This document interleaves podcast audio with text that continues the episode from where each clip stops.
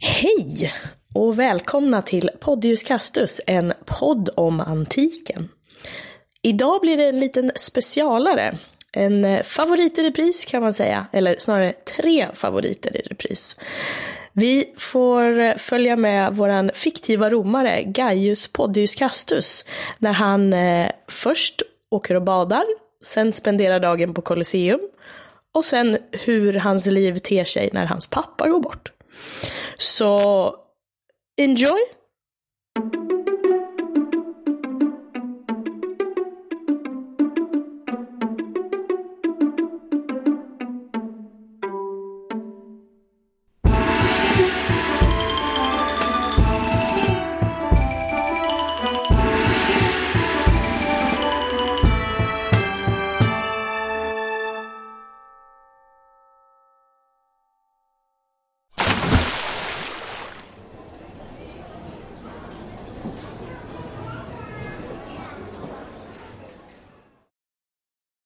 Bada under antiken var extremt populärt.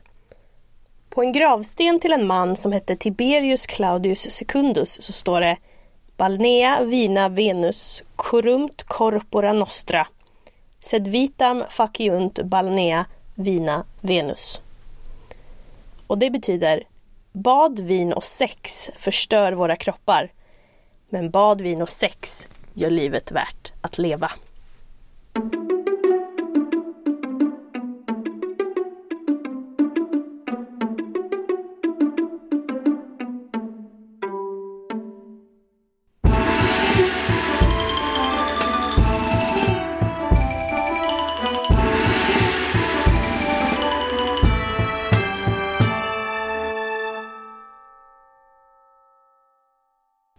Hej hej, hallå dagboken! Välkommen till Podius Castus, en podd om antiken. Och den här gången så är det jag, Emily, som står för underhållningen. Idag har vi ett litet specialavsnitt. Vi ska nämligen följa med vår fiktiva romare, Gaius Podius Castus, till ett badhus. Men innan vi sätter igång så har vi en liten tävling där vi lottar ut en lycklig vinnare som får en bild på Gaius Podius Castus som Angelica faktiskt har målat. På Instagram så kan ni se hur den ser ut. Och tävlingen den är så enkel som att ni svarar på en fråga och så PMar ni oss på Instagram eller mejlar svaret. Tänkte ni på min hälsningsfras? Jag säger den en gång till. Hej hej, hallå dagboken! Var kommer den hälsningsfrasen ifrån?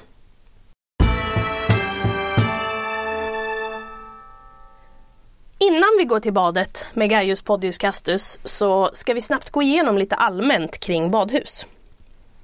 Romerska bad, så kallade termer, det var inte bara ett ställe för att bada.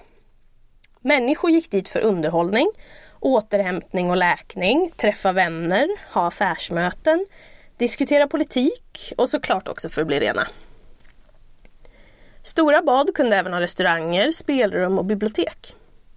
Man kan nästan säga att de romerska baden var den perfekta blandningen mellan business och pleasure. En kombination av bibliotek, konsthall, köpcentrum, gym och spa. Det fanns också många politiker som gick till badet för att övertyga sina medromare om sina politiska sakfrågor. Badhusen de var tillgängliga för alla, både rika och fattiga. De rika hade också ofta privata badhus i sina semestervillor. Det var billigt att gå till badhuset. Under kejsare Diocletianus i slutet av 200-talet efter vår tideräkning så var inträdet två denari, den minsta valören som då bestod av små bronsmynt. Och ibland, och speciellt under publika högtider så, där, så kunde baden vara gratis. Om en politiker eller kejsare ville göra sig lite extra poppis så kunde han sponsra inträdet under en viss tid. Badens utseende varierar från enkla strukturer till väldigt komplicerade. Och de varierade i storlek, utförande och dekoration. De lyxiga baden hade marmor och mosaiker som klädde väggar och golv. Det fanns stora glasfönster och så var det högt i tak. Baden hade en konstant tillförsel av färskt vatten. Antingen via naturliga källor eller med hjälp av akvedukter som ledde dit vattnet och stora cisterner där vattnet sedan förvarades. Ett exempel i Rom var en cistern som kunde förvara 20 000 kubikmeter vatten. Man hade ett centralt värmesystem som kallas för hypokaustsystem.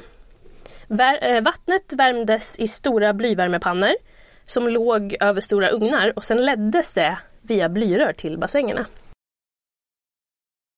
Man hade ingenjörer som övervakade vattennivåerna och akvedukterna för att se till så det fanns nog med vatten.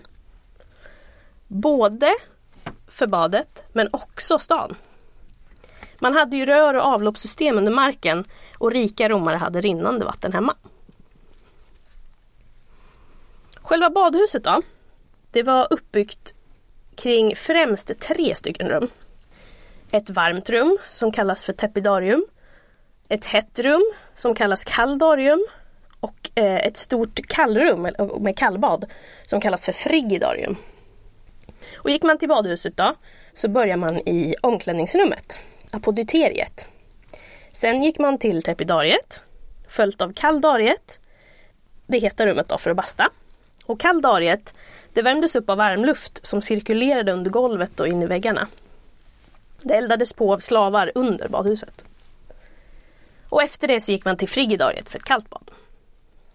Efter några omgångar av svettningar och eller kallbad så gick man för att få en massage med parfymerad olja som sen skrapades av med en så kallad strigil. Det var så man blev ren. Man hade ju ingen tvål och olja löser fett. Och några fler rum då i badhuset. Apoditerium då som vi sa, omklädningsrum. Palestra som var ett motionsområde, eh, oftast utomhus. Natatio, swimmingpool utomhus. Laconica och Sudatoria som var eh, heta, torra och våta svettrum. Tepidarium, det var, ett det var det här varma rummet som var indirekt uppvärmt. Kaldarium, det heta rummet som var uppvärmt med varmvattenpool. Och frigidarium som var ett svalt rum, ouppvärmt med kallvattenbassäng. De här eh, frigidarierna de var ofta i monumental storlek och var badkomplexets hjärta. Sen fanns det även rum för massage och andra hälsobehandlingar. Och bibliotek. Och andra faciliteter kunde inkludera djupare kallvattenbassänger, privata bad, toaletter, bibliotek, föreläsningshallar, fontäner och trädgårdar.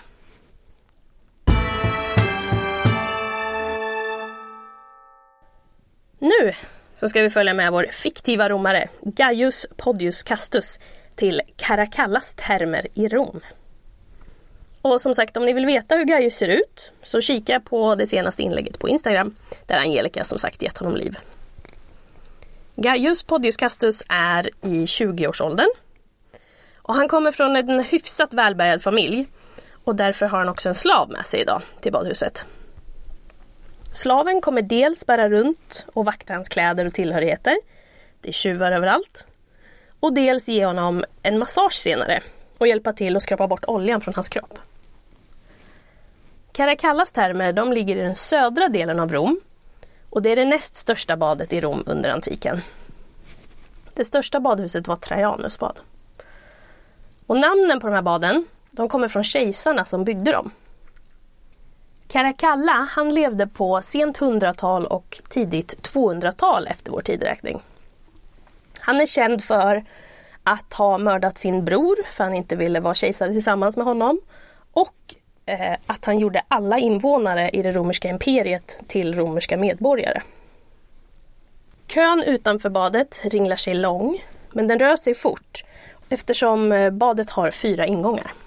Badet var så stort att man kunde ha så många som 8000 besökare under en dag och man kunde få plats med 1600 åt gången.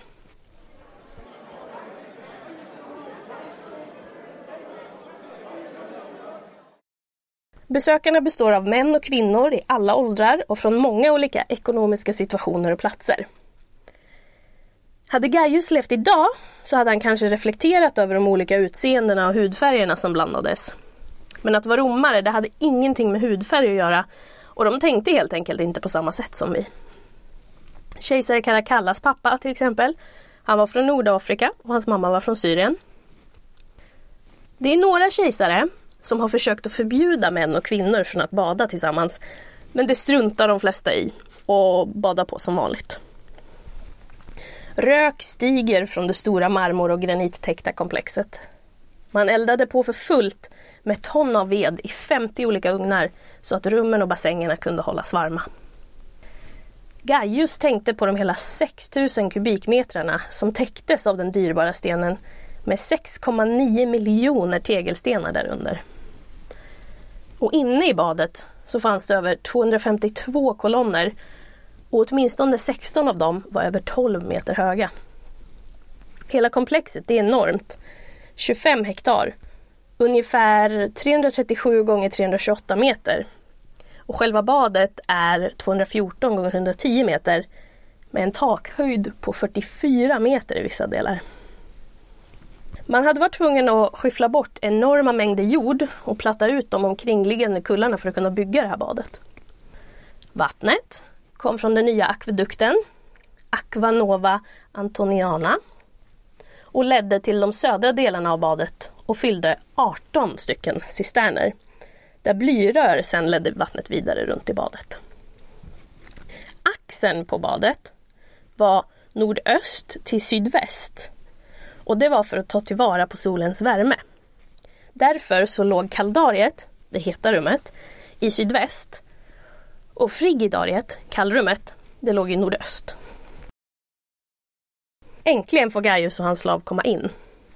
Först fick de gå igenom huvudingången som låg i nordöstlig riktning.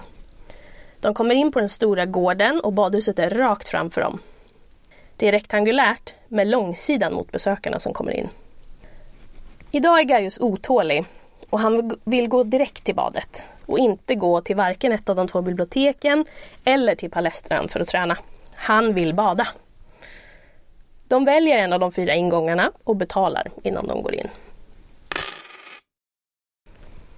Så fort de kliver in så kan Gaius inte hjälpa att han drar lite efter andan.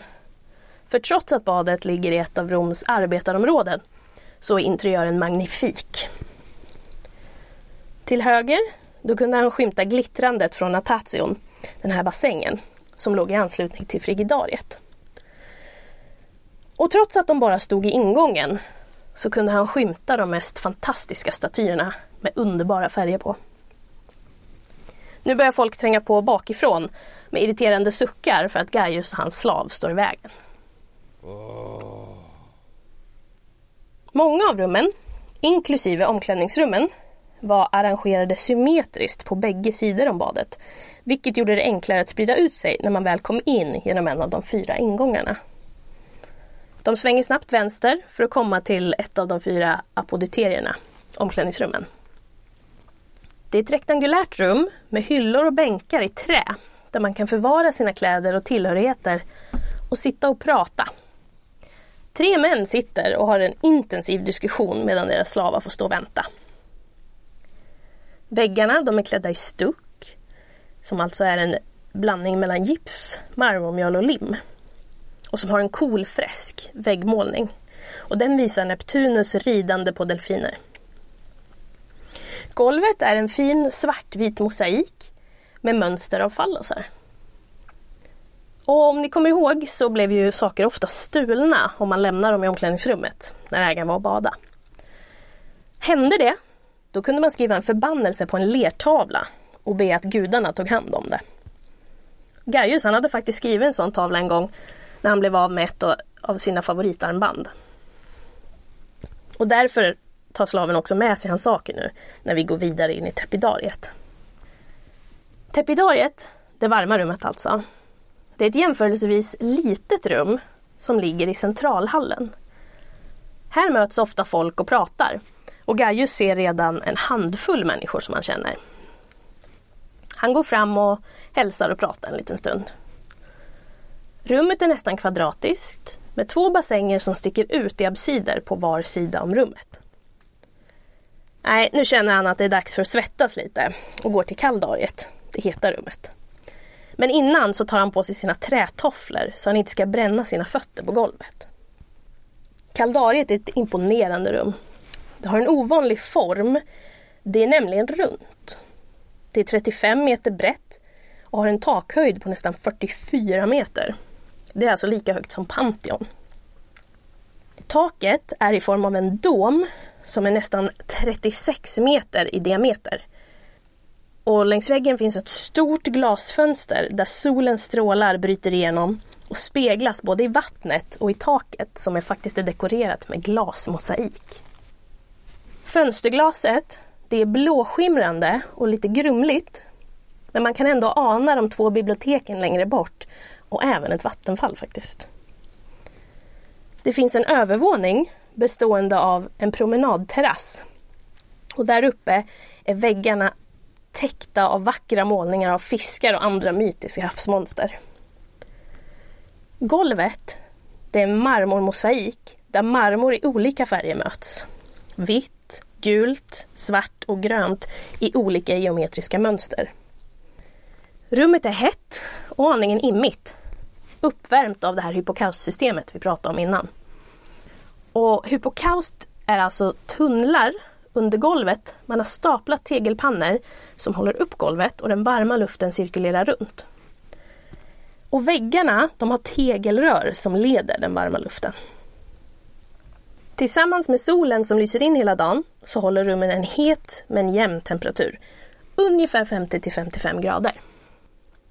På vintern så var det faktiskt många som kom till badet bara för att värma sig. Och det är de stackars slavarna som står under badet och eldar på för fullt.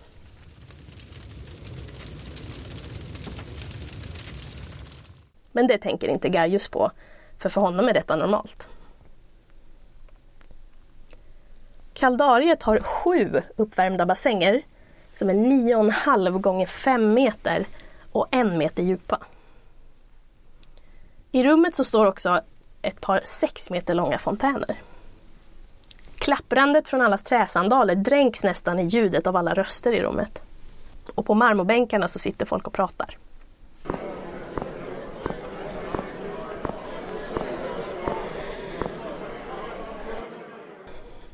Bredvid kaldariet så finns det sudatorier och lakonia, de här svettrummen.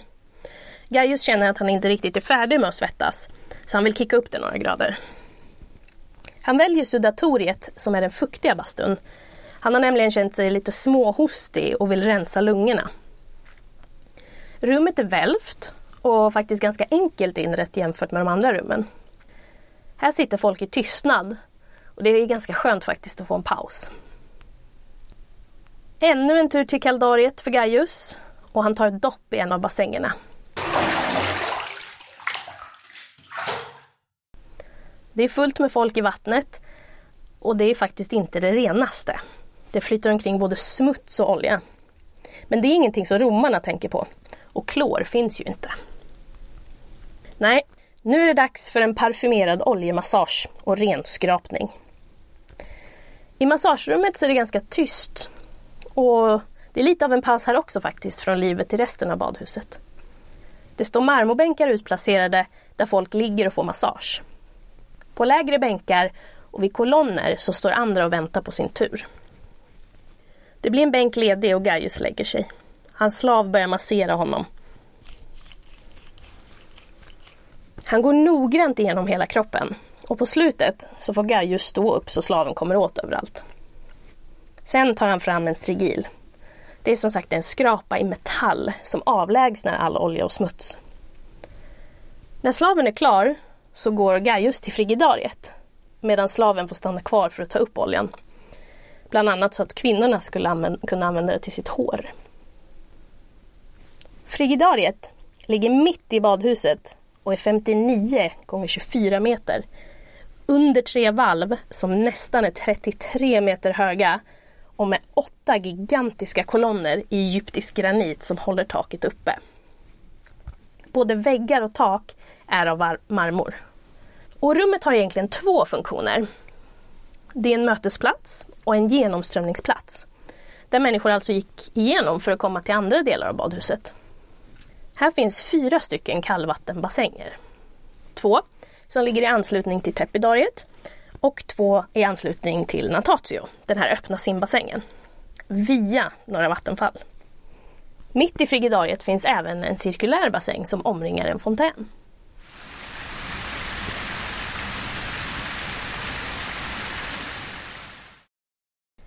I den nordöstra delen, det första man ser när man kommer fram till badet, det är Natation, simbassängen.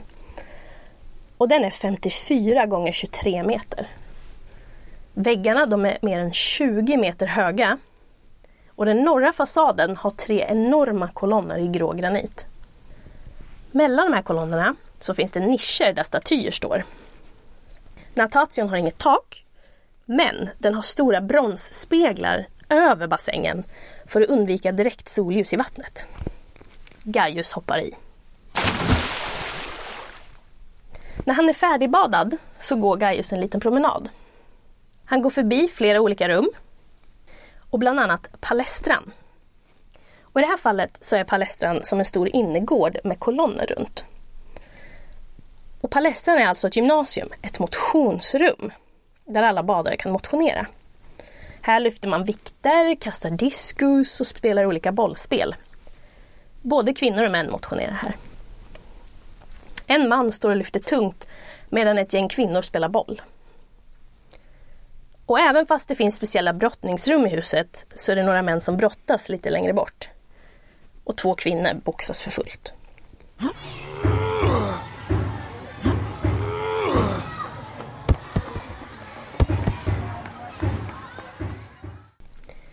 I södra delen finns två bibliotek. Det består av två stora exedror där man förvarar textrullar i nischer. En för romerska texter, som är på latin, och en för grekiska. Och de är 38 gånger 22 meter. Golvet är i marmor och har bänkar som man kan sitta och läsa eller lyssna på någon som läser eftersom att alla läser högt. Han går även förbi trädgårdarna som är imponerande. Något lite ovanligt det är att det finns ett mitreum. Och ett mitreum det är ett tempel där man tillber guden Mitras. Han var poppis bland militären och män av lite lägre klass. Mitreet är ungefär 23 meter långt och 10 meter brett med ett välvt tak. Och med fresker på Mitras. Och förutom de här delarna som Gaius har besökt idag så finns det många fler rum. Som sagt brottningsrum. Det finns rum för filosofiska diskussioner. Det finns tavernor där man kan äta och dricka. Toaletter och föreläsningssalar. Men de får han besöka en annan dag. Kanske redan imorgon. Men nu är det dags att gå hem och äta. Solen har börjat gå ner.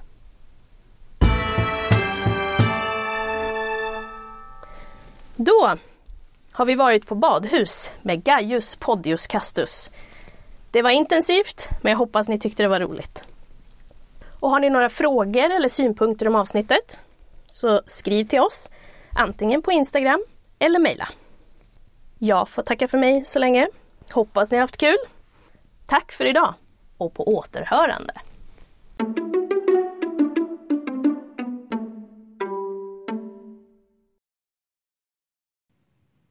Förra gången med Podius Castus. Den här gången med Podius Castus.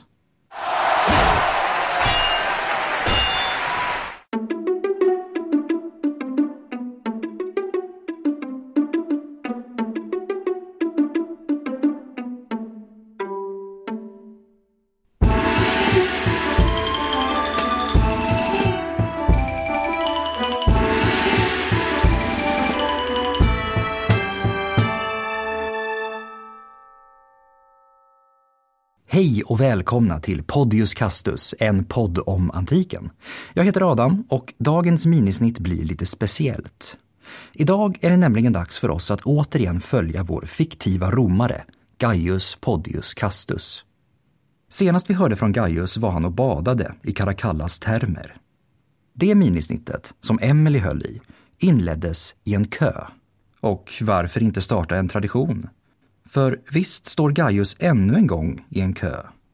Den här gången till Colosseum, romarrikets främsta amfiteater.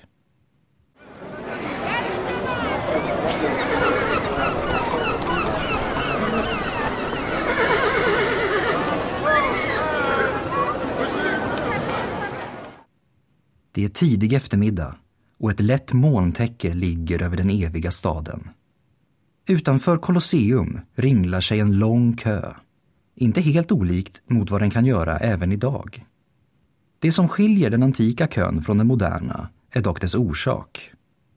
Gaius köar just nu för att få se ett gladiatorspel. Dagens arenaprogram har pågått sedan förmiddagen och innan lunch var det djurhetsning och jakt som ägde rum. Gaius är inte särskilt intresserad av sånt, så han har faktiskt väntat med att dyka upp. Han vill se gladiatorerna. Och det är inte vilken kamp som helst.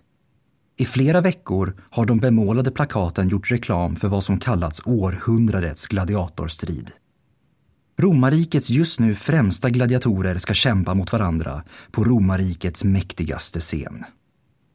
Molntäcket luckras upp för en stund och Gaius inser att han faktiskt står i skuggan. Han tittar upp och blir nästan bländad. Skuggan kastas av den kolossalstaty som kejsaren Nero lät bygga i sin egen avbild. Den är av förgylld brons och mäter nära 30 meter i höjd. Gaius far hade en gång berättat för honom hur statyn fått sitt huvud utbytt så att den istället avbildade solguden med sin karaktäristiska krona. Gaius är av en gammal romersk riddarsläkt, en samhällsklass som inte riktigt mindes den populistiske Nero som särskilt trevlig. Det är därför inte så svårt att förstå varför Gaius far hade skrockat lite lätt medan han berättade om statyns huvudtransplantation. Det är troligt att det är just denna staty som ligger till grund för namnet Colosseum. Romarna kallade statyn för Colossus Neronis, Neros koloss, och minnet av den levde kvar trots att själva statyn försvann. Under medeltiden gjordes det därför troligtvis en felkoppling, där istället den kolossala arenan tog över namnet. Solen går återigen i moln och kön rör sig långsamt närmare ingången. Gaius sneglar uppåt på Colosseums fasad. Trots att Colosseum idag kan väcka vördnad är den endast en skugga av vad den en gång var. Utvändigt saknas idag nästan hälften av den yttersta delen samt en stor del av de övre sektionerna. Gaius ser istället en nästan 50 meter hög fasad i fyra våningar. De första tre har 80 stora arkader med marmorstatyer i övermänsklig storlek. Dessa föreställer gudar, hjältar och karaktärer ur den romerska historien. De ser nästan verkliga ut med sina bemålade detaljer. Utvändigt är Colosseum kritvit av travertin, kalkstenen från Tivoli strax utanför Rom. 100 000 kubikmeter sten gick åt vid bygget av arenan. Ett bygge som endast tog tio år att färdigställa. Att det gick så fort beror på själva konstruktionen. Hela Colosseum är nämligen byggt som en serie valvbågar, nästan som om man placerat akvedukter ovanpå varandra. Och det mesta av arenan består därför av tomrum. Gaius minns att det var kejsare Vespasianus som lät bygga arenan, men att det var hans son Titus som fick inviga den.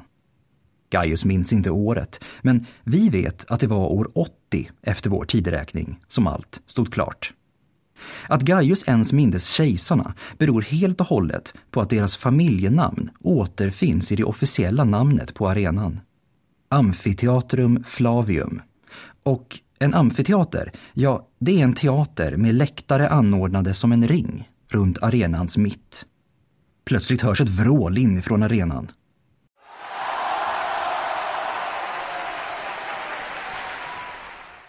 Vad som än händer där inne just nu uppskattas uppenbarligen av publiken. Nu har Gaius äntligen hamnat först i kön. Han nickar lite nonchalant åt sin slav som den här gången agerar biljettbärare. Gaius slav har förekommit tidigare, men vi har inte presenterat honom. Han heter Podipos och kommer ursprungligen från det bosporanska riket vid Svarta havets nordkust. Det är ett grekisktalande kungadöme som underkastat sig Roms överhöghet. Och slavar är en av rikets främsta exporter till den romerska världen. Podipos visar upp biljetten för tjänstemannen vid ingången Biljetten är en plakett av ben med inristade uppgifter som beskriver sittplats, sektor och vilken av de 76 ingångarna som man ska använda. Vi vet inte hur mycket en heldagsbiljett kostade, men för större delen av stadens befolkning var det sannolikt mer än vad de hade råd med. Gaius familj har det inte särskilt dåligt ställt, men vi behöver kanske inte berätta för hans far hur Gaius skippat förmiddagens program. De flesta andra var dock tvungna att förlita sig på gratisbiljetter. Dessa ställdes till förfogande av kejsaren eller politiska ämbetsmän som önskade plocka popularitetspoäng. Gratisbiljetterna delades sedan ut vid angivna platser och det var först till kvarn som gällde. Tjänstemannen vid ingången slänger en snabb blick på biljetten och viftar sedan in de båda. Från ingången kommer Gaius in i en stor korridor med välvt tak.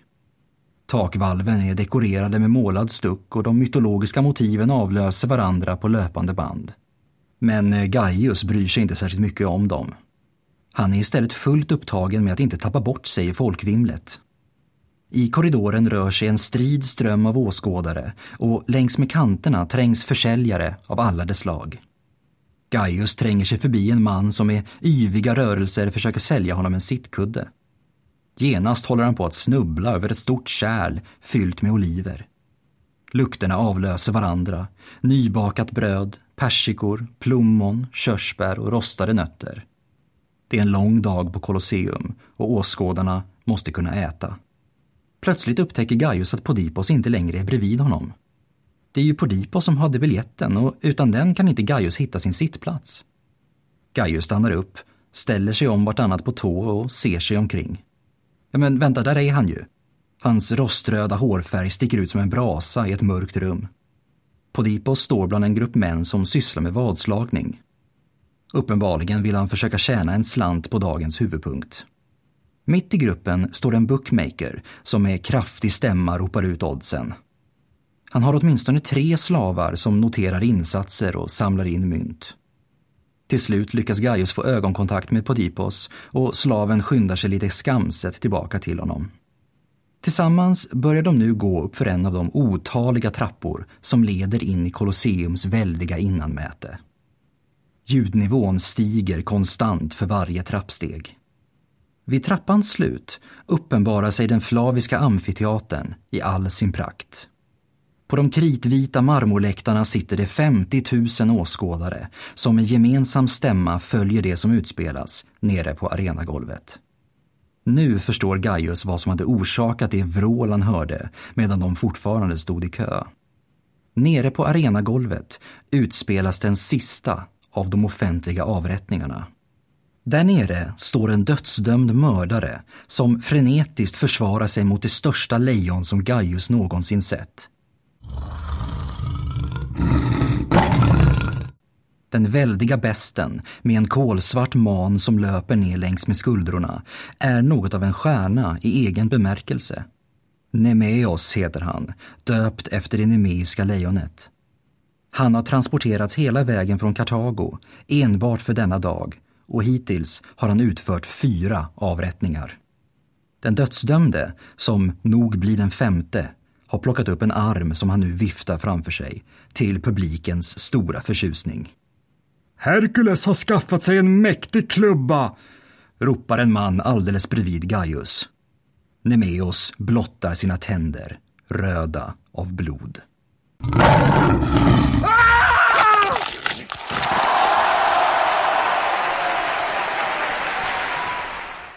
De som dömts till döden kunde hanteras olika vid de offentliga avrättningarna beroende på om de var medborgare eller inte. Romerska medborgare kunde visas barmhärtighet och få döden relativt snabba döden genom att stickas genom nacken med ett svärd. Icke-medborgare och slavar å andra sidan kunde korsfästas, brännas ihjäl eller dödas av vilda djur.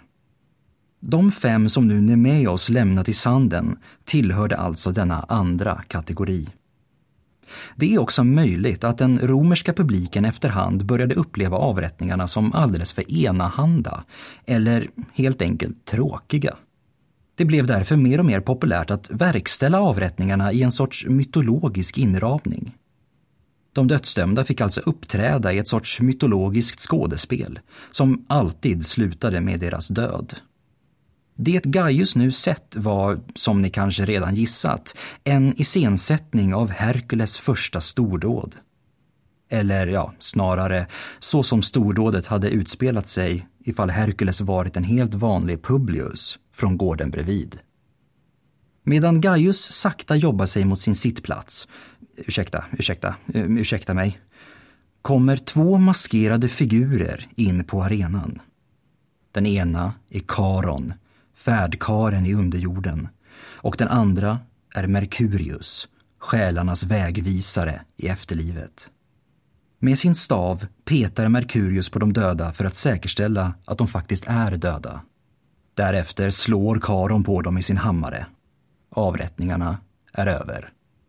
Nemeos har redan letts bort och nu börjar Colosseums tjänstemän att samla ihop hans dagsverk på kärror. Ungefär samtidigt som Gaius hittat sin plats och satt sig ner springer en trupp akrobater in på arenan. Truppen från det egyptiska Alexandria utgör pausunderhållningen.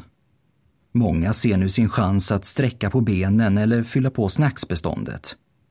Flera rör sig mot riksfontänerna medan andra passar på att smita på latrinen. Gaius, som ju precis hittat till sin plats, sitter och njuter. Det är ganska vanligt att tänka sig Colosseum som cirkelformad, men i själva verket är den elliptisk.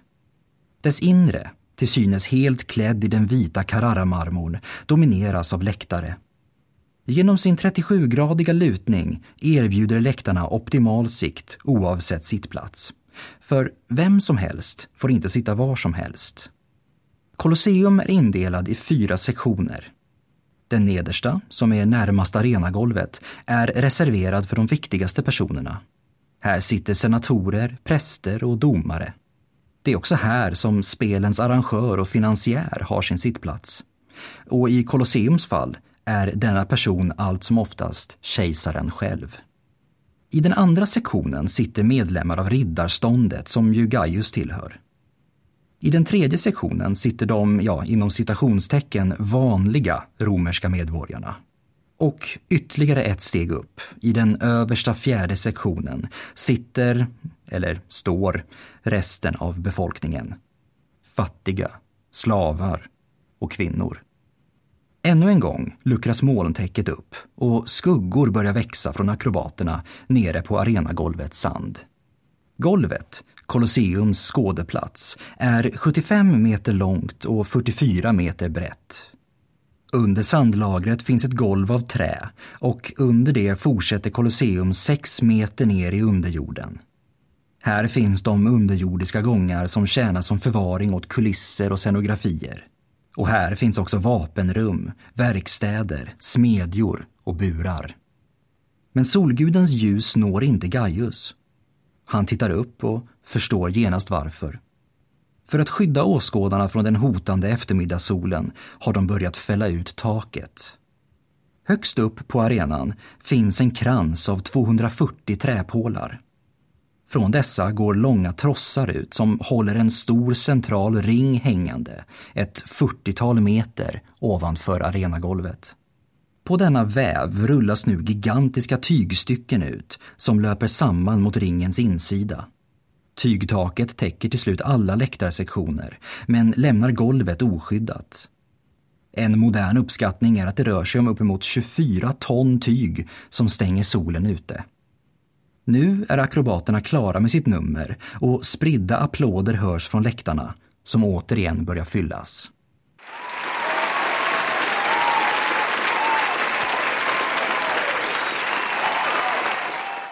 Och Gaius vet att det är nu som dagen börjar på riktigt.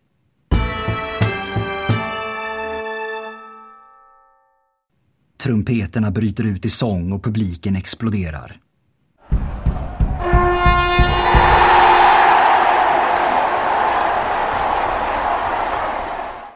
Upp ur de underjordiska gångarna tågar ett långt följe in på arenan.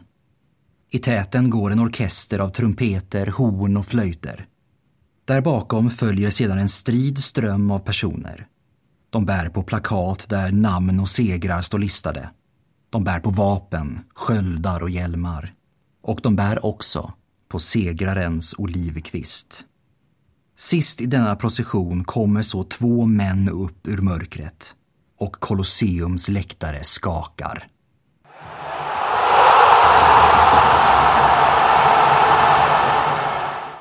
Gaius minns tydligt hur uppspelt han blivit när han sett de första väggplakaten som annonserade denna kamp. Där nere står hela världens just nu främsta gladiatorer och tar emot publikens jubel. Den yngre av dem är Astyanax som tagit sitt artistnamn efter den trojanska prinsen. Han är född till romerska medborgare i Gallien men har valt att kämpa som gladiator för berömmelsens skull. Gaius har haft honom som favorit ända sedan han för första gången såg honom uppträda för nu nästan sju år sedan. Sedan dess har Astyanax samlat på sig inte mindre än 18 segrar. Astyanax motståndare är den äldre Cyrus, döpt efter Apollos son och syriernas stamfader. Han föddes av slavar i Antiochia och såg till att bli antagen som gladiator för att skaffa sig en möjlig väg ut ur slaveriet. Under hjälmen har han imponerande 34 segrar. Två vitt skilda livsöden som snart kommer att kollidera på arenans sand. Med vapen av trä ställer sig de båda och börjar sparra för att mjuka upp musklerna. Astyanax är nästan ett helt huvud kortare än Cyrus, men gallen har alltid levt på sin snabbhet. Cyrus å sin sida är ett fysiskt monster som obönhörligt nöter ner sina motståndare. Men viktigast av allt, de båda vet precis hur man bjuder på underhållning. De båda turas om att göra utfall mot varandra och spexar sådär lagom mycket för att få publiken i rätt stämning. Till slut ger domaren signal och de båda nickar lätt åt varandra och återvänder sedan ner i underjorden.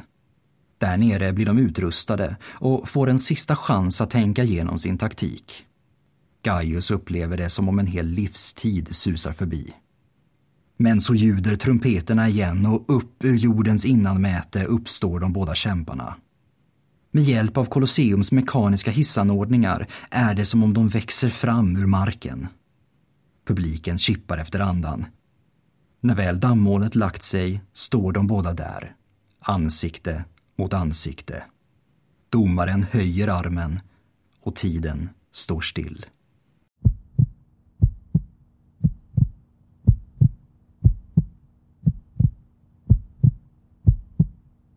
Armen sjunker och kampen har börjat.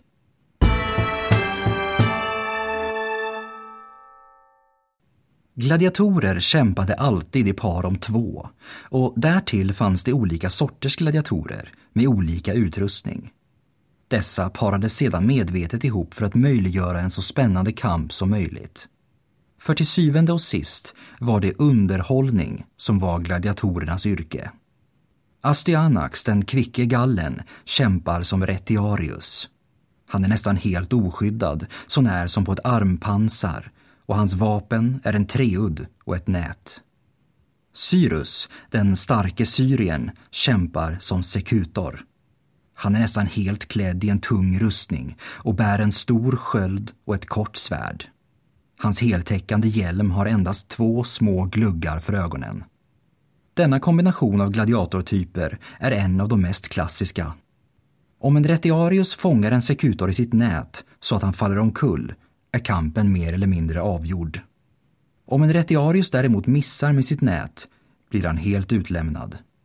Spänningsmomentet vilar därför nästan uteslutande på denna enda handling. De båda kämparna är mycket erfarna och kan sin motståndare väl. Astyanax är tålmodig och rör sig med lätta steg i cirklar runt sin större och långsammare motståndare. Cyrus gör inga häftiga rörelser och vet bättre än att försöka jaga en retiarius. Hans överlevnad hänger på att han sparar sina krafter. Domaren manar på dem båda, de får inte bli för passiva. Astyanax utdelar det första hugget och hans treudd sjunger mot Cyrus sköld.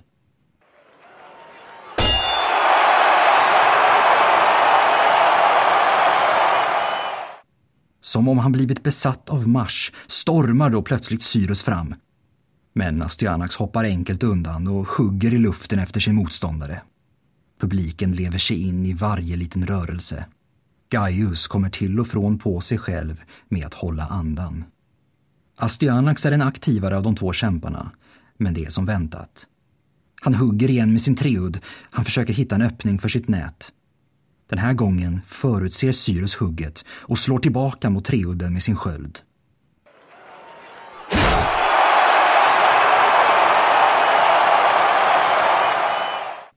Astyanax tappar balansen och lämnar hela sin högersida öppen. Cyrus tar sig framåt, men snavar nästan till. Astyanax hade i sin tur förutsett Cyrus aggressiva approach och varit redo med sitt nät. Samma nät som nu ligger runt Cyrus fötter. Gaius ställer sig upp. Astyanax tar sig runt och gör ett utfall mot Cyrus rygg.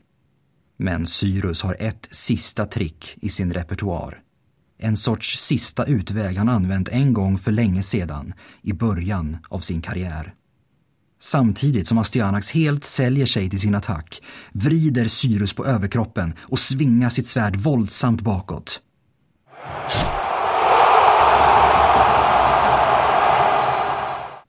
Astyanax treudd faller i marken. Sanden färgas röd av blod.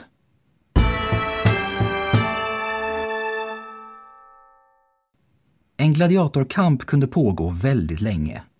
Om den pågick så länge att de båda kämparna började bli trötta kunde domaren signalera för en paus. Gladiatorerna fick då vila och dricka vatten innan kampen sedan återupptogs.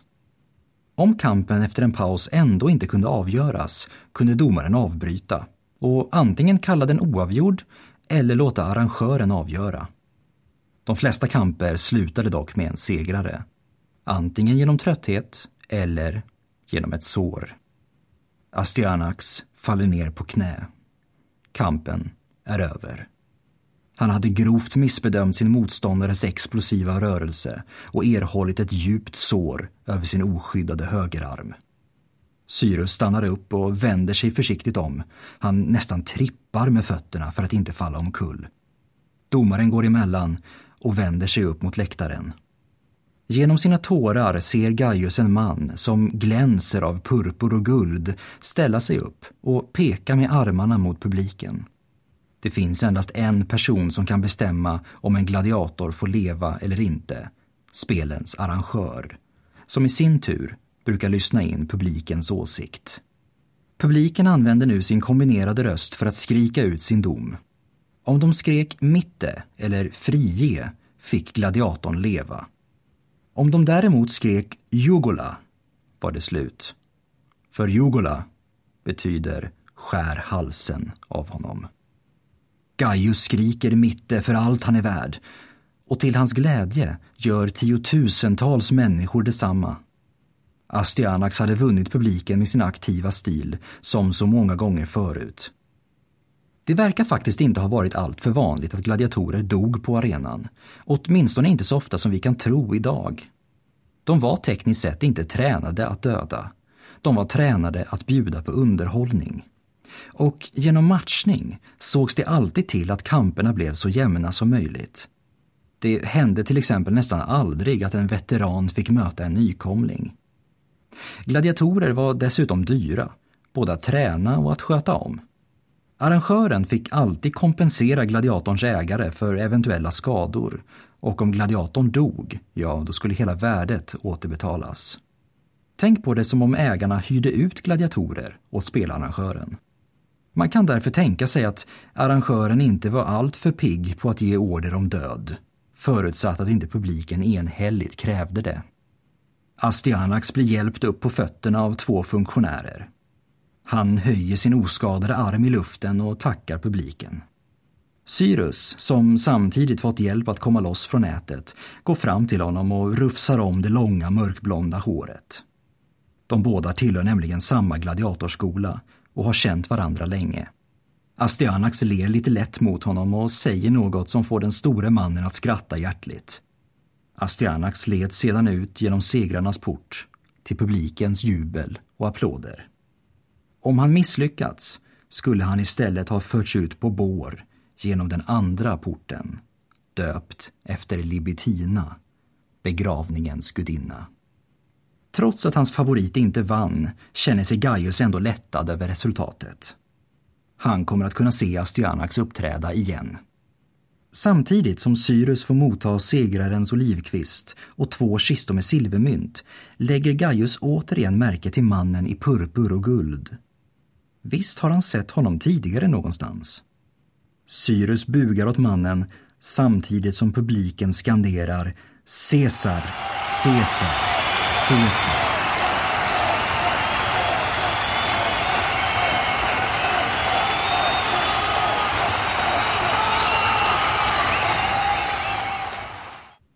Dagen på Colosseum är över.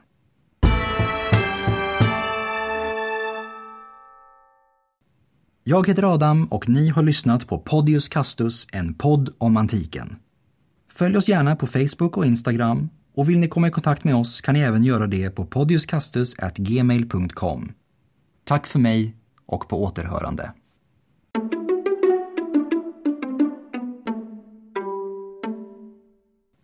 Jag heter Adam. Hjälp. oh. Hej, hej allihopa, jag heter Adam. Mm, aha. Förra gången med Podius Castus. Den här gången med Podius Castus.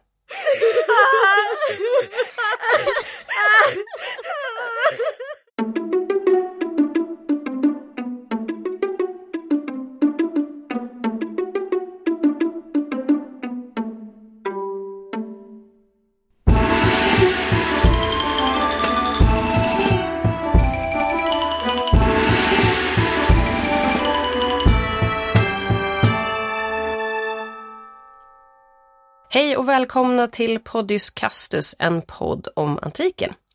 Idag har ni mig, Hanna, i lurarna. Och dagens minisnitt blir lite speciellt. Det är nämligen dags för oss att återigen följa vår fiktiva romare Gaius Podius Castus. Men som ni säkert hör så har jag drabbats utav den dödliga sjukdomen förkylning. Så ni får helt enkelt leva med att jag låter lite så här Tack och lov lever vi ju på centalet och jag kommer nog överleva det här stoiskt. Men så kanske det inte var om man levde under antiken. Och det är faktiskt lite det ämnet vi ska ta upp idag.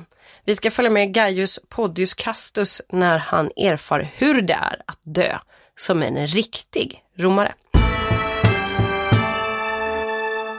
Sist vi hörde från Gaius var han ju på Colosseum och hejade på sin favoritgladiator. Och båda gångerna vi har träffat honom har han haft det ganska bra. Först var han och badade i Caracallas termer och sen var han ju på arenan. Men den här gången, när vi nu ska träffa honom, har han det inte riktigt lika kul. Gaius Podius Castus har en dålig vecka.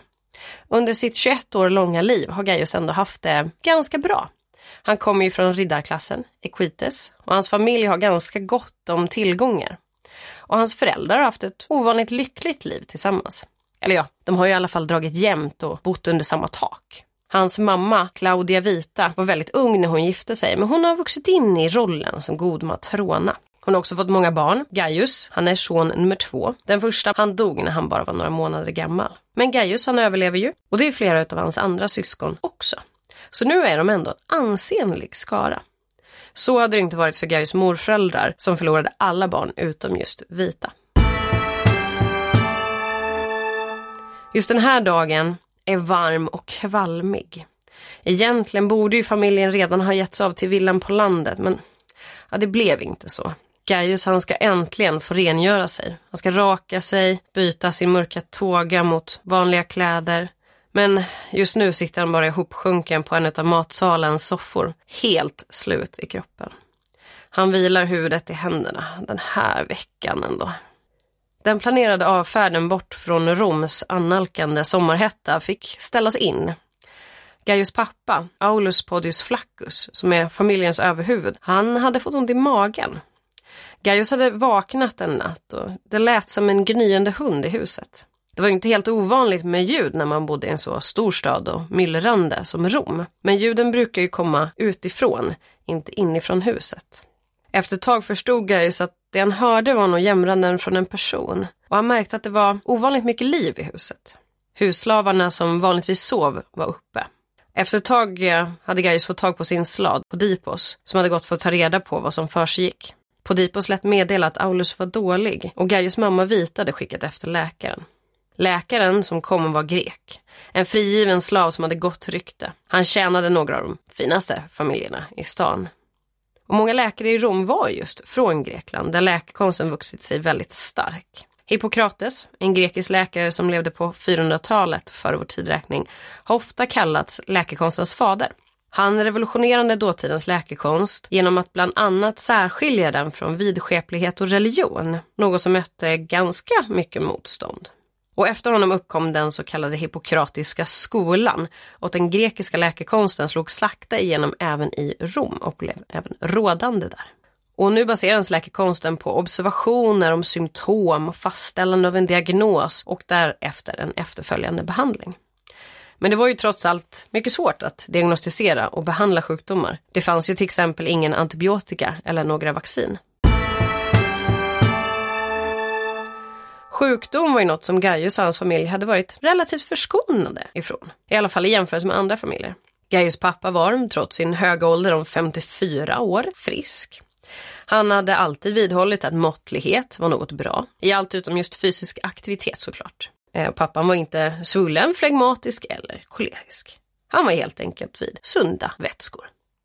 När Gaius hörde att läkaren kommit så klev han upp ur sin säng och gick in till sin fars rum. Det var ingen vacker syn.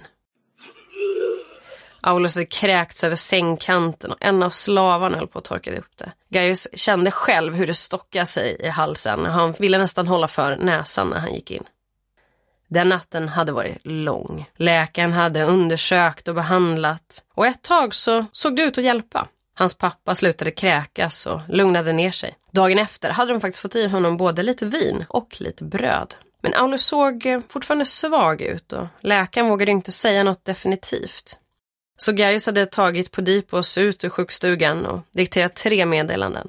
Ett till hans syster Poddia Lepida som bodde i just Rom med sin make.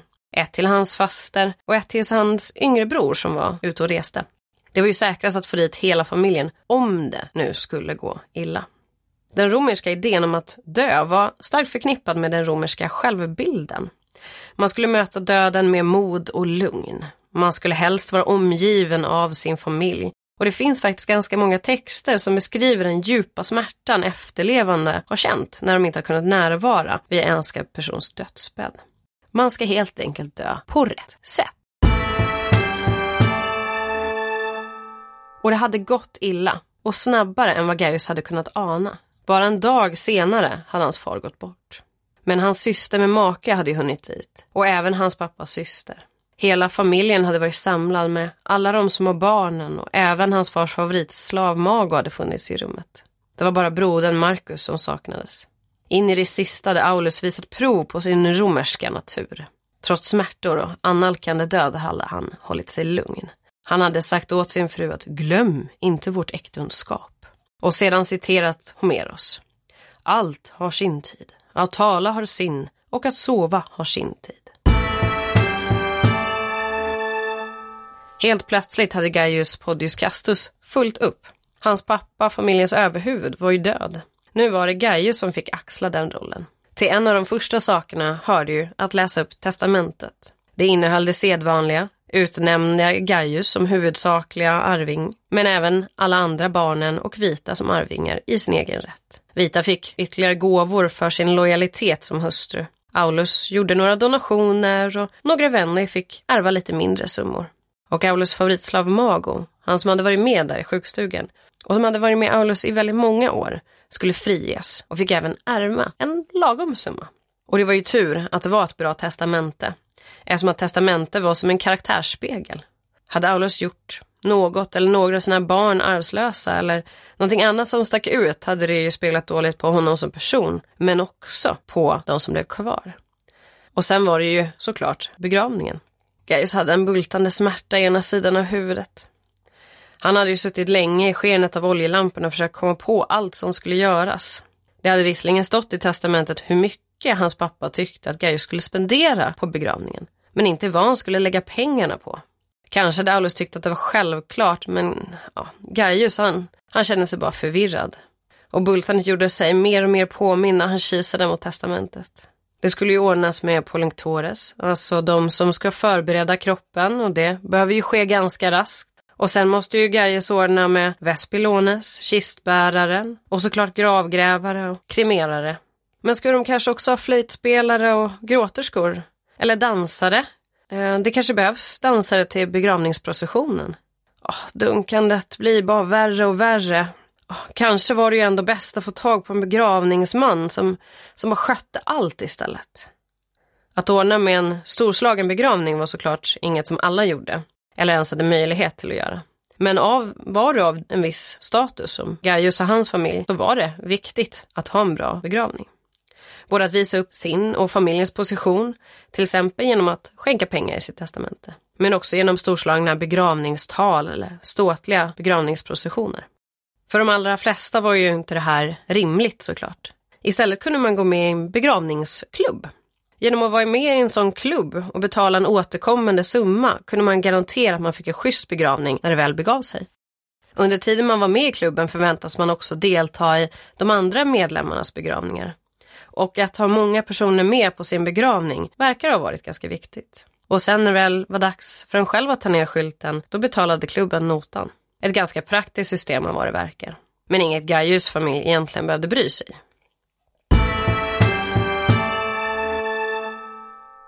Gaius situation där han sitter med sitt bultande huvud hjälps inte av att han känner sig så otroligt smutsig. Och han luktar illa. Hela familjen hade ju avhållit sig från att tvätta sig och bada, precis som man ska, sedan Alice hade tagit sitt sista andetag. Ytterdörren var stängd som ett tecken på deras sorg och Gaius hade själv sett till att det hade lagts cypresskvistar framför dörren så att folk skulle kunna se att det rådde en rituell orenlighet hos dem just nu. Eller ja, Gaius hade personligen beordrat en av slavarna att fixa det, men det är ju typ som att göra det själv, eller hur? Det hade ju bara gått två dagar från det att Aulus hade gått bort och Gaius längtade redan efter att få bada, få tvätta bort allt intorkat svett, att få rena sig på utsidan men också låta vattnet bara skölja bort lite av stressen och sorgen som böljade fram inom honom.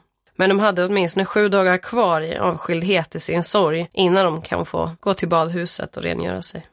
Trots allt har det ju faktiskt bara gått två dagar från det att härolden hade kungjort att Aulus har dött. Plötsligt så kan han bara inte sitta kvar där längre. Med alla de här tankarna bultande i huvudet och nej. Så han rör sig mot husets atrium. När han kommer in i det luftiga rummet så håller han sig nära väggen. Det här är ju vanligtvis husets ljusaste och luftigaste rum med, med sin taköppning och sin nedsänkta bassäng där under. Det är ganska trevligt att vara här. Men just nu känns det annorlunda. Kanske var det all rökelse som bränns här inne. Luften är den är tung över den här söta och rökiga doften. Det var inte så att han var rädd, han, han var ju trots allt man, men eh, där framför bassängen, där mitt i rummet, där står den där divanen och där ligger ju Aulus. Han ligger där klädd i sin toga, lågt, lite halvt tillbakalutad, som om man bara tagit en tupplur mitt under middagen. Fotänden är vänd mot ytterdörren, som om han väntar på besök. Gaius står kvar vid kanten av rummet och ah, stirrar på sin döda fars kropp. Det är någonting mer än det. Det kanske är ljuset från taköppningen inte riktigt når hela vägen fram eller det är något som får honom att stå kvar. Efter en stund så tvingar han sig fram för att titta lite närmre. Hans mamma och systrar hade ju hjälpt till när Pollenktore skulle rengöra och ställa i ordning kroppen. Den hade tvättats och smorts och klätts i tågen. Hans mamma hade placerat myntet i karon till färgkaren i Aulus mun. När Gaius kom närmare så kunde han se att hans pappa hade sminkats. Men trots sminket så hade huden ett sprött utseende, nästan som väldigt, väldigt tunn papyrus. Men färgen var fel, en blek och sjuklig färg. Och sminket hade inte riktigt heller kunnat dölja den blåa färgen på läpparna. Utan att tänka sig för så sträcker Gaius fram sin hand och lägger den på sin pappas bröst. Så nästan flyger han bakåt. Han hade ju rört vid kroppen. Bara män som redan är orena kan röra vid en död kropp. Nu, nu var han själv rituellt besudlad. Oh, som tur var hade ju ingen sett honom och han skyndade sig snabbt därifrån. Några dagar senare när begravningsdagen väl kom så skulle Aulus placeras på likbåren som Gaius hade införskaffat. Den var i trä med, med målade detaljer. Det hade känts bättre att inte bränna alla pengar på fina inläggningar av elfenben eller bladguld utan lägga dem på annat när våren ändå ska brännas. När Aulus väl låg på plats och hela familjen var samlade då kunde processionen starta.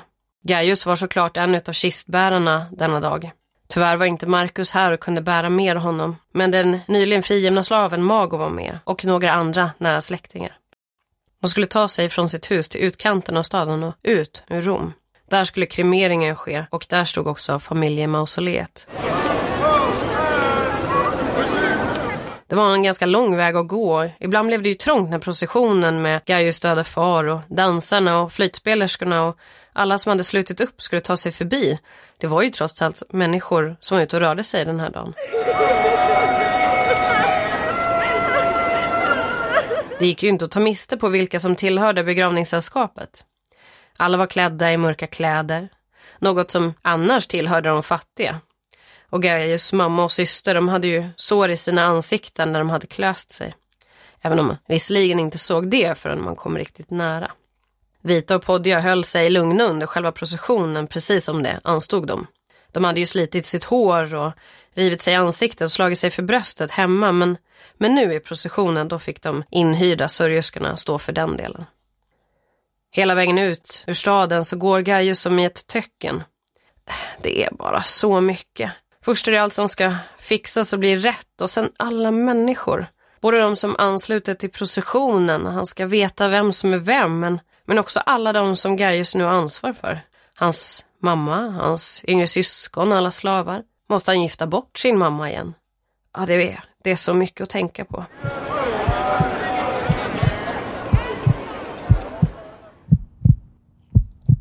Till sin förvåning så inser han att han redan står framför bålet. Hur lång tid vandringen ut från huset hade tagit, det, det, vet han inte. Men, ja, men nu var de i alla fall framme och de inhyrda begravningsmännen får ta över. Först så går Vita fram och öppnar Aulus ögon. Samma ögon som hon bara några dagar tidigare hade slutit. Och hon kysser honom och det är samma läppar som hon kysste den där sista dagen och fångade hans sista andetag. Sen så lyfter begravningsmännen upp båren på bålet och då får Vita äran att tända. Och Gaius står bara där och ser på hur hans fars kropp omges av lågor.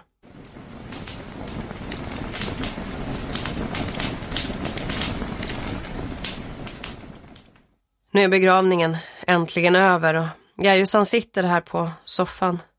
Han är i husets triklinium i matsalen och som genom en dimma försöker han få ordning på allt som snurrar i huvudet. Det är lukten av, av bålet och hans mammas sammanbitna ansikte. Ljudet av sörjerskorna som bara jämrar sig. Det tycks liksom förfölja honom, trots att det är tyst och stilla i huset. Till och med tystare och mer stilla än det brukar vara. Trots att han far dog en, en bra död, så att det nu blev så rätt det kunde bli, så känns det ändå bara fel. Alltså det var ju inte så som om hans pappa hade dött långt från hemmet eller att han hade avrättats eller, eller för den delen snöpligt dött av ett päron som föll och träffade honom hårt i tinningen. Och det var inte heller som om han hade tvingats att ta sitt liv men, men misslyckats som så många ändå hade gjort. Alla kunde ju inte vara en Agrippina yngre eller Cicero som mött sina utsända mördare med mod men och helt plötsligt börjar hans händer skaka. Jag just vet inte varför, men han kan inte kontrollera skakandet och bara kryper sig längre och längre upp. Snart skakar hela han. Idag kanske vi ska se det här som ett tecken på stress. Anspänningar som släpper efter en riktigt tuff vecka. Men det vet ju inte Gaius och han grips av panik. Han måste ha gjort något ljud ifrån sig för Podipos Gaiuslav, han kommer in i rummet och ser sin ägare sitta där och skaka. Tack och lov så är ju Podipos en handlingens man, så han ger Gaius en örfil, vilket verkar hjälpa. Två dagar senare så har Gaius äntligen fått tvätta sig. Huset luktar inte längre av rökelse och död. Han håller som bäst på att göra sig i ordning för att ta emot dagens klienter när Podipos kommer in med en ung pojke i släptåg. Pojken ser vagt bekant ut men ja, Gaius kan inte riktigt placera honom. Istället vänder han sig mot Podipos och väntar på att få höra vad, vad det hela handlar om. Podipos verkar lite chockad men han presenterar den unga pojken som en av Podias och hennes mans eh, slav. Och den unga pojken har tydligen något att berätta. Gnaeus Ignatius Bucco, Gaius svåger, är ju inte direkt någon favorit i Gaius hushåll. Bucco är en ganska klantig person till sin natur. Gång på gång så har han ju dragit in sig i småskumma affärer, fattat korkade blir slut. Ni vet den typen av släkting. Ja, och sånt kan man ju visserligen leva med men Gaius hade ju gärna sett att Poddia skilde sig från idioten och ja, så familjen bara slapp beblanda sig med honom. Kanske är det det som slaven kommer för att berätta. Podipos harklar sig och Gaius han försöker fokusera på den unga slaven igen. Just det, ja, um, Bucco hade ställt till det. Ja, nå, var var vi? Den här gången har han tydligen överträffat sig själv. Buck hade blivit inbjuden på en ganska exklusiv middagsbjudning och varit mer än ivrig att komma iväg dit. Problemet var ju bara att det visade sig i efterhand att det Buck hade tolkat som ett lite skämtsamt prat om hur man bäst ska göra sig av med en kejsare. Det hade ju varit allvar. Och Bucko som den idiot han är, han hade inte förstått det utan trott att allt var lite kul snack över vinet sådär. Han hade ju själv presenterat förslaget att man kan ju bjuda kejsaren till en liten provsmakning av exotiska frukter och kanske doppa någon av frukterna i gift. Den unge slaven pratade så tyst och stirrade ner i golvet att Gaius fick be honom att upprepa sig en eller två gånger för han kunde få grepp om Buccos idioti. Skämta om kejsaren när man vet vad han kan ställa till med. Ja, det var ju inte så länge sedan Claudius lät döda både senatorer och män ur Equites med rasande fart. Hur kan man vara så korkad? Jag skakar på huvudet. Ja, ja, det här behöver ju hanteras och det behöver hanteras med takt och snarast. Bucco måste ju givetvis lämna Rom, det är ju självklart, eh, helst på en gång. Men eh, kanske kan Podja stanna. Hmm. Ja, kanske kan man få en läkare förklara honom galen. Den där läkaren som kom för en vecka sedan var ju ändå ganska bra. Ja, det, det kanske kan funka. Gaius börjar ge sina instruktioner till Podipos när eh, den unge slaven harkelar sig den här gången. Jo, alltså det är så att... Sen kommer hela historien fram. Den här konspirationen hade ju självklart nått palatinen och kejsaren hade tagit illa vid sig. Han såg det inte som några oskyldiga skämt direkt. Så nu hade ju kejsaren skickat dit delar av sitt praetoriangarde hem till Bucco och till Podia och hade gett honom valet att själv ta sitt liv och behålla en uns heder eller att avrättas som en futtig kriminell. Men vad värre var så hade Bucco inte kunnat förmå sig att falla på sitt svärd. Han kunde inte heller som Caesar blotta sin nacke och med jämnmod invänta sitt öde. Gaius känner hur, hur golvet börjar svikta under honom. Den unge slaven blir tyst och Gaius nästan skriker ”Men sen då?” Med eh, tyst röst svarar slaven. Ehm, er, er syster visar prov på att hon är en sann romare, värdig dig. När hon, hon tog sin dolk och högg sig i bröstet och såg på sin man och sa Se min make, det gör inte så ont.